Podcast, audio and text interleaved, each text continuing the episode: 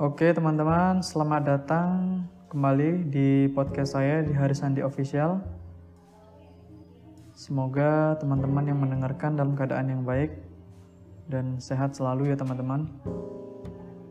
Saya kembali lagi di acara Senin Edukasi atau Sendu ya.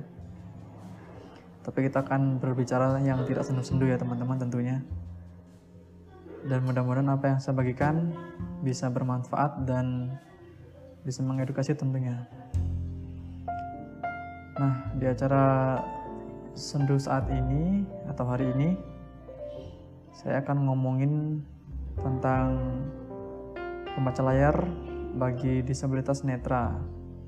Mungkin bagi kalian teman-teman yang umum atau yang non disabilitas banyak yang belum tahu ya saya saya rasa apa itu pembaca layar bagi tunanetra.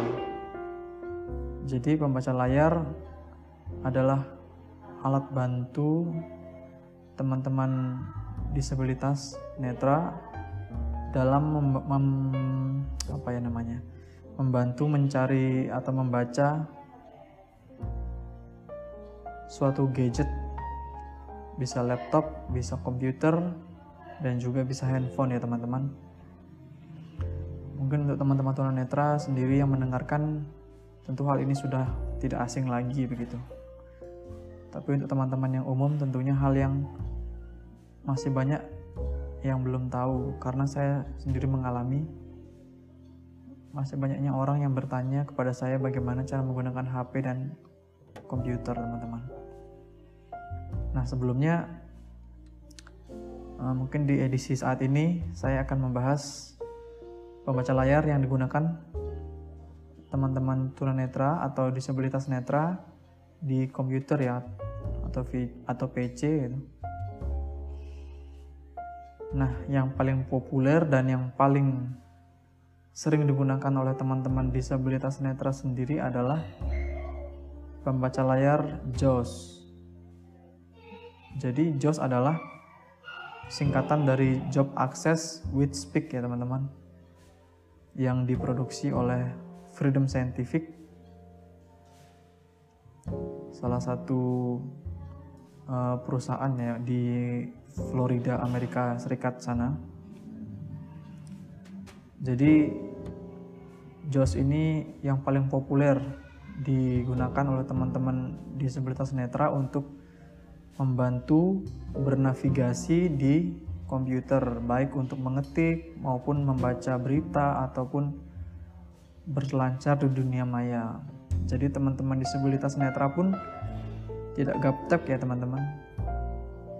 Semua teman-teman disabilitas yang bisa menggunakan gadget tentunya sudah bisa berselancar seperti orang pada umumnya di dunia maya, bahkan bersosial media karena saya pengalaman juga masih banyak orang yang belum tahu kalau tunanetra bisa menggunakan gadget.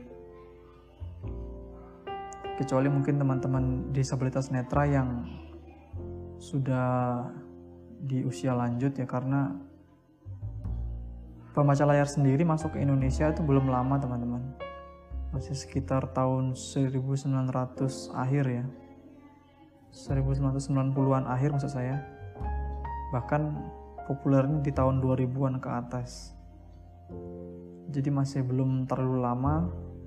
Jadi generasi-generasi teman-teman kita yang sudah uh, melewati masa-masa mudanya begitu atau udah melewati masa dewasa mungkin sudah sekitar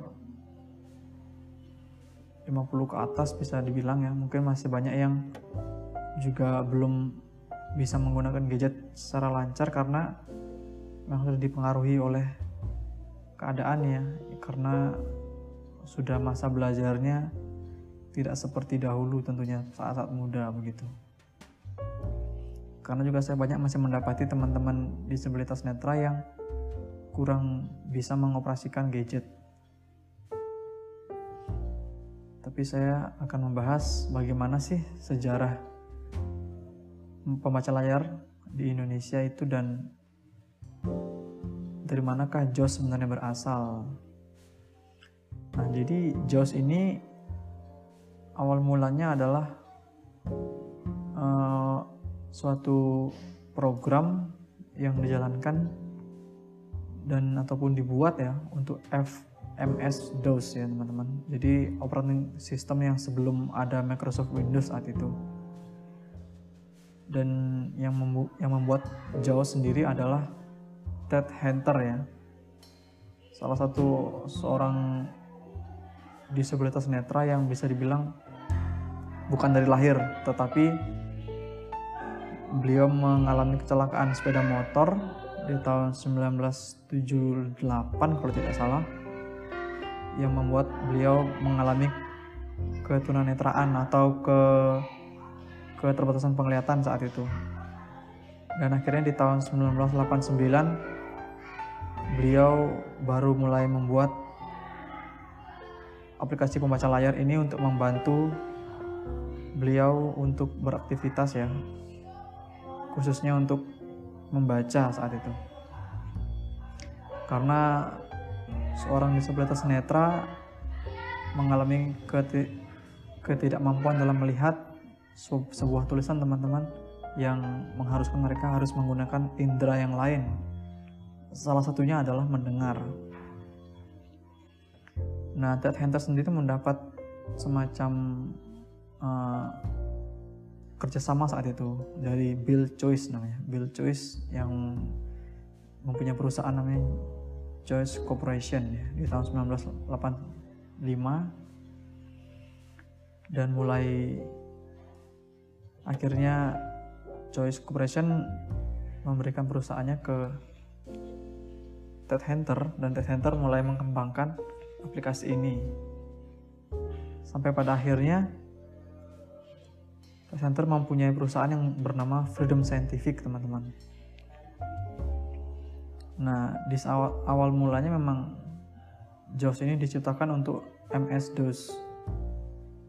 Saat itu Microsoft Windows belum ada ya teman-teman di tahun 1990. Dan baru di tahun 1995 lah Microsoft Windows itu muncul begitu. Dan otomatis perlu dilakukan pembaruan-pembaruan di dalam JOS tersendiri dengan menyesuaikan operating system yang baru saat itu di tahun 1995.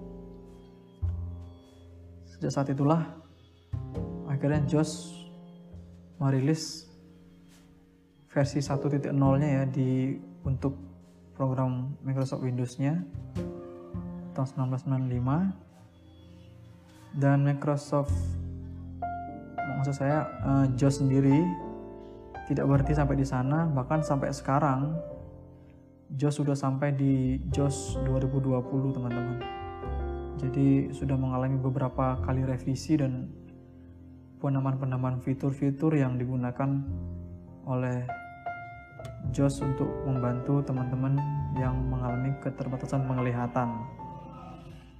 Nah, JOS sendiri masuk ke Indonesia juga sebenarnya di akhir-akhir tahun 1999 ya, hampir 2000. Dan yang mengawalinya adalah dari Yayasan Mitra Netra yang mungkin teman-teman yang ada yang belum tahu Yayasan Mitra Netra adalah yayasan yang menaungi ya teman-teman uh, tunanetra yang sering juga mengadakan pelatihan-pelatihan komputer tentunya bagi tunanetra di yang pusatnya di Jakarta. Kalau tidak salah di Jakarta dan di Bandung ya antara itu. Begitu dan populernya di Indonesia di tahun 2000 ke atas sih masih. Tahun 2003 sudah mulai uh, banyak yang menggunakan juga setelah ter adanya pelatihan-pelatihan yang diberikan oleh Yayasan Mitra Netra dengan bekerja sama dengan pem, apa yayasan-yayasan yang lain gitu yang bergerak dalam misi mencerdaskan teman-teman disabilitas netra saat itu. Nah, saya sendiri sebagai seorang disabilitas netra juga mengenal JOS ini baru di tahun 2005 teman-teman Saat itu saya di bangku SD kelas 4. Dan JOS yang pertama kali saya kenal langsung JOS 5. Jadi versi 5.0 yang pertama saya gunakan di program Windows 95 kalau nggak salah. Saat itu saya belum mengerti bagaimana cara mengoperasikan komputer dan bagaimana apakah caranya sama seperti orang umum karena saya pribadi juga bukan dari disabilitas yang lah, dari lahir ya. Saya juga mengalami disabilitas sejak usia sekitar 8 tahunan. Nah, di tahun 2005 itu saya hanya mendengar salah satu salah satu seorang teman saya yang bermain komputer. Dan suaranya itu saya dengarkan kok tidak jelas. Karena JOS ini adalah sebuah operat uh, sebuah program ya atau peranti lunak gitu yang digunakan teman-teman netra dengan dialek bahasa Inggris teman-teman. Jadi dialeknya itu bukan dialek Indonesia, tapi dialeknya dialek Inggris. Jadi saat dia menyebutkan bahasa Indonesia pun tetap bahasanya seperti dialek bahasa Inggris. Seperti ini contohnya. Ini kebetulan saya menggunakan JOS 2019. Recycle pin 221, this PC 1 of 21. Nah, misalkan saya ini kan dispisi. Nah, seperti ini. NVDA 8 of 21. Eurofly 15 of 20. Windows 16 of 21. Nah, jadi seperti itu suaranya. Mungkin bagi teman-teman disabilitas netra sudah tidak asing ya mendengarkan. Tapi bagi teman-teman yang awas atau yang umum, tentu hal ini asing dan mereka sering bertanya, kok tunanetra itu bisa mendengarkan secepat itu ya? Ya itu karena kita memang sudah terbiasa. Gitu, teman-teman. Bukan karena kita mendengar ini langsung bisa. Awal-awalnya saya juga nggak bisa mendengar apa yang dibilang ya. Apakah yang disebutkan gitu. Tapi setelah beberapa lama saya mendengarkan dan mendengarkan saya sudah mulai bisa menangkap arti yang dibicarakan ya. Pada intinya seperti ini. Jadi program pembaca layar itu membaca apa pun yang ada di layar sesuai persis tanpa merubah apa pun ya. Apa pun teksnya itulah yang dibaca gitu. Tapi tentunya dengan dialeknya dia, dialeknya ya bahasa Inggris ini teman-teman.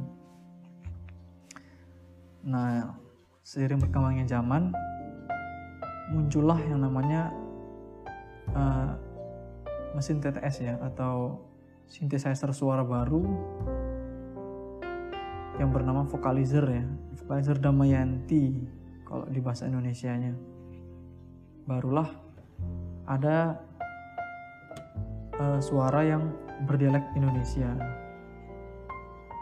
Berdialek Indonesia jadi persis seperti bahasa Indonesia kita berbicara seperti ini, cuman kekurangannya menurut saya dia tidak mampu membaca layaknya seperti manusia membaca teks ya tentunya. Dia mengikuti pakemnya. Ya. Jika dia bahasa Indonesia ya segalanya menjadi bahasa Indonesia. Seperti ini dia suaranya teman-teman. Select the voice profile Microsoft Vocalizer Expressor. Waiting check camera on.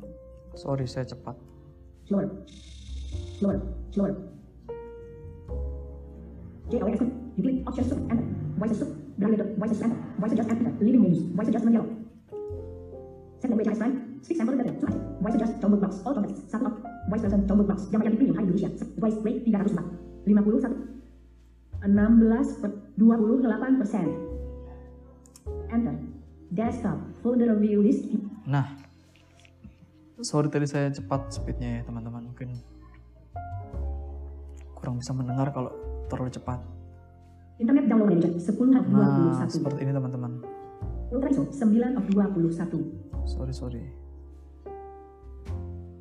Ini kayak mengalami kecepatannya NVDA 8 tinggi dia. J out utilities option enter basic voices sub enter voice enter to navigate press left or right arrow menu bar living. Nah, delete profile button to enable additional voice profiles synthesis language combo set language as primary button speak sample button to activate press voice voice person combo box. Damayanti premium hard voice rate 149 voice voice adjust combo box. All com PC jurusan voice 2 up voice voice voice puntuation combo box. Sang 2 up to change voice rate 4 persen.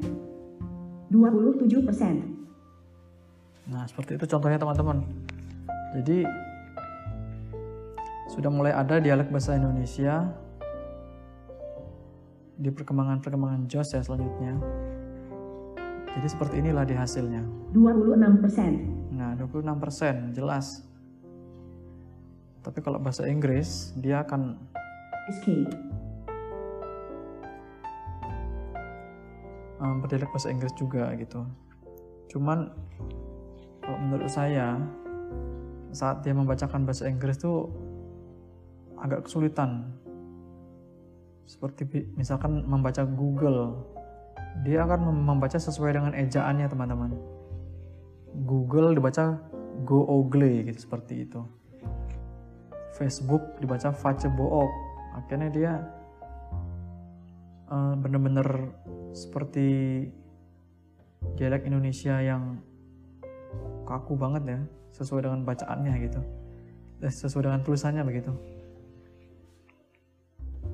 makanya saya pribadi sih sukanya menggunakan Eloquence atau TTS bawaan Jawa sendiri sekalipun dialeknya bahasa Inggris cuma lebih nyaman karena mampu membaca tulisannya dengan juga cukup jelas Saya ganti 15. lagi. Microsoft Eloquent. Windows N desktop. Nah gitu mungkin bagi teman-teman yang non disabilitas tentu suara ini sangat bising banget ya, sangat bising karena dia senantiasa berbicara tapi biasanya kita kalau menggunakan program ini kita meng- menggunakan juga yang headset ya atau handsfree yang bisa kita pakai agar suaranya tidak ke mana-mana dan tidak mengganggu. Khususnya untuk teman-teman disabilitas netra yang kuliah saat di kelas gitu. Jadi seiring berkembangannya program pembaca layar, teman-teman disabilitas netra juga bisa sampai ke perguruan tinggi teman-teman. Yang dulunya menggunakan mesin tik ya mungkin. Mesin tik dan kalau kita menggunakan mesin tik juga sangat sulit ya karena memakan waktu yang lama dan mungkin juga kurang praktis. Nah, jadi pembaca layar ini sangat penting banget di keseharian teman-teman disabilitas netra karena dengan pembaca layar ini ibaratnya kita mempunyai asisten pribadi gitu atau mata ya mata kedua untuk membacakan apa pun yang ada di layar handphone maupun di laptop ya. Karena saya sampai saat ini pun kuliah menggunakan pembaca layar ini. Saya rasa kalau tidak ada pembaca layar ini mungkin saya akan kesulitan untuk berkuliah mungkin juga dialami teman-teman yang lain kecuali memang karena zaman dahulu yang belum ada sama sekali ya mau nggak mau harus menggunakan yang ada seadanya begitu. Cuma yang agak sedikit sayangkan eh, JOS ini masih berbayar ya teman-teman. Kalau tidak salah harganya mencapai lebih dari 1000 dolar bahkan. Jadi cukup tinggi sangat tinggi bahkan ya untuk ukuran eh, teman-teman disabilitas yang masih kuliahan mungkin yang apalagi masih sekolah gitu untuk membeli. Nah un- untuk mengatasi hal tersebut biasanya selain JAWS, ada aplikasi pembaca layar yang bernama NVDA ya, atau Non Visual Desktop Desktop Access, yaitu sebuah peranti lunak atau software juga yang fungsinya sama seperti JAWS, namun software tersebut open source teman-teman, jadi free tidak berbayar. Dan itu yang mengembangkan ialah bernama Michael Curran ya, Michael Curran di tahun 2006. Jadi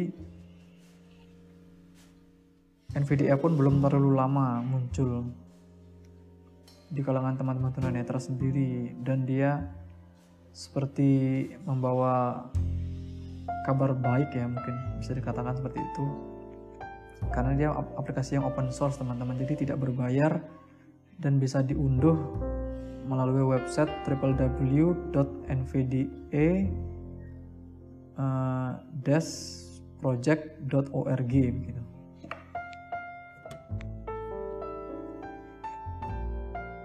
Mungkin bisa dicek teman-teman kalau yang mau tahu gitu.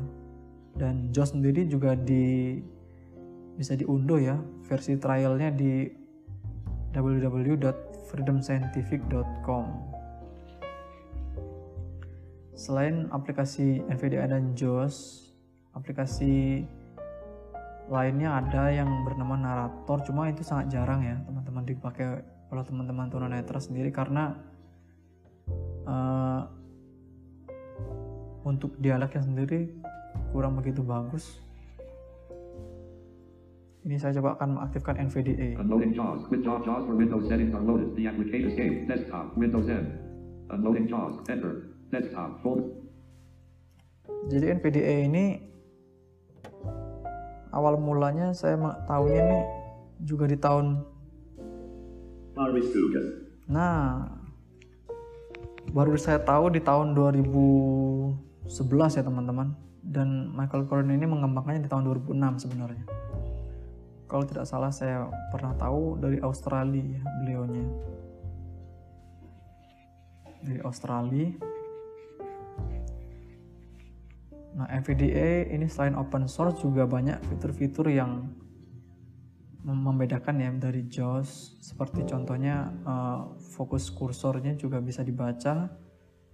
Jadi dengan mouse teman-teman tunanetra bisa menggeser-geser bisa mengetahui ya kursor mouse. Kalau JOS kan tidak. Kalau JOS itu tidak bisa dipakai mouse. Sekalipun begitu tapi teman-teman tunanetra juga selama ini yang saya tahu lebih nyaman menggunakan keyboard langsung begitu jadi untuk sekedar edukasi untuk teman-teman yang non disabilitas mungkin jadi cara cara bekerja teman-teman disabilitas netra untuk mengoperasikan komputer itu adalah full dengan keyboard tanpa mouse sama sekali ya teman-teman. Jadi teman-teman disabilitas netra mengoperasikan komputer full dengan keyboard dan juga shortcut-shortcutnya jadi shortcut-shortcutnya itu awal mulanya bisa dipelajari dengan cara saat kita sudah memasang program pembaca layar bisa kita tekan tombol kombinasinya insert plus angka satu. Input help on. Nah, begitu ada kata-kata input help on. Nah, di sini kita bebas mau. Nah, kebetulan ini. NVDA saya sudah berbahasa Indonesia ya. Kalau bawaan defaultnya dia berbahasa Inggris. Teman-teman. Jadi mungkin teman-teman yang tunanetra awal mulanya belajar ya nggak langsung bisa juga gitu apalagi kalau saya pribadi dulu pengalaman huruf abjad di komputer itu kan tidaklah berurutan sementara saya dulu zaman saya masih bisa melihat itu itu belum ada yang namanya HP QWERTY saya juga belum mengerti caranya belum hafal lah bisa dikatakan belum hafal ASDF GH, JKL itu saya pikir dulu hurufnya ber, berurutan A, B, C, D, E, F, G. Ternyata tidak ya teman-teman. Nah, awal mulanya saya mengamati tombol-tombol di keyboard dulu saya pelajari tombol sebelah kiri itu apa aja tombol sebelah kanan itu apa aja terus tengah-tengah itu apa dan yang paling mudah dikenali adalah spasi tentunya yang mempunyai bentuk yang paling berbeda dari tombol-tombol lainnya. Begitulah cara teman-teman tunanetra untuk belajar keyboard. Jadi yang paling juga mudah dikenali adalah titik di huruf J dan di huruf F ya teman-teman itu sebagai patokan untuk pengetikan 10 jari. Nah jadi teman-teman disabilitas netra juga bisa mengoperasikan komputer sebagaimana orang umum ya pada umumnya begitu. Cuma kalau orang umum biasanya pakai mouse kalau orang disabilitas atau tunanetra sama sekali tidak sama sekali tidak menggunakan mouse tetapi juga meng, tetapi menggunakan keyboard dengan shortcut shortcutnya begitu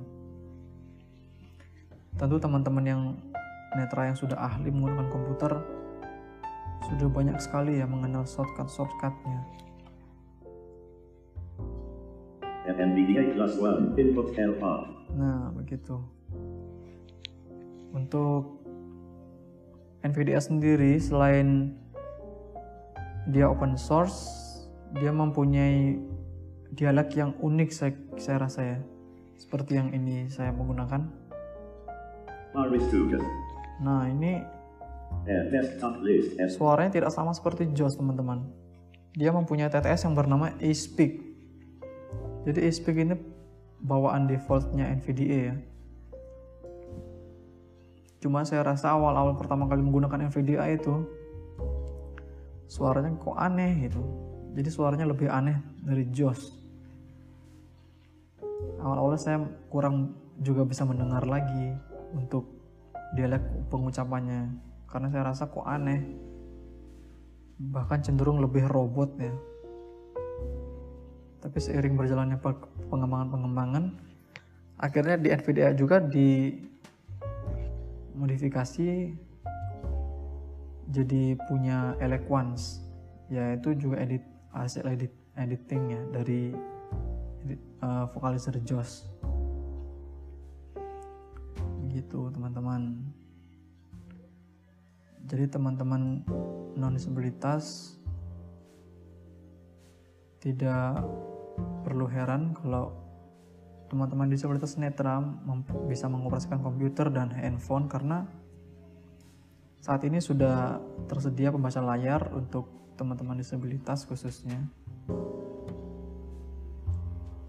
Yang netra gitu jadi untuk memesan Gojek, Grab dan lain-lain sudah tanpa bantuan orang awas atau orang yang non disabilitas sudah bisa. Mungkin untuk pemasangannya dan cara pengoperasiannya juga sudah banyak ya didemonstrasikan oleh teman-teman netral lainnya begitu teman-teman nanti jika mana saya uh, mungkin ada permintaan saya akan buatkan tutorial cara pemasangannya juga di sini. Nah begitu teman-teman. Mungkin sekedar uh, edukasi ringan ya di hari ini di hari Senin edukasi ini. Karena masih banyaknya teman-teman di luaran yang bukan disabilitas yang masih sering bertanya kepada saya bagaimana tunanetra menggunakan komputer dan HP terutama saat awal-awal saya pertama kali kuliah begitu karena mereka tentu tidak pernah tahu ya tentang perkembangan screen reader ini gitu. Gitu, terima kasih atas segala atensinya. Kalau teman-teman suka dengan podcast saya bisa diikuti ya atau di klik ikuti di Spotify atau di favorit di Anchor. Jika ada pertanyaan dan kurang lebihnya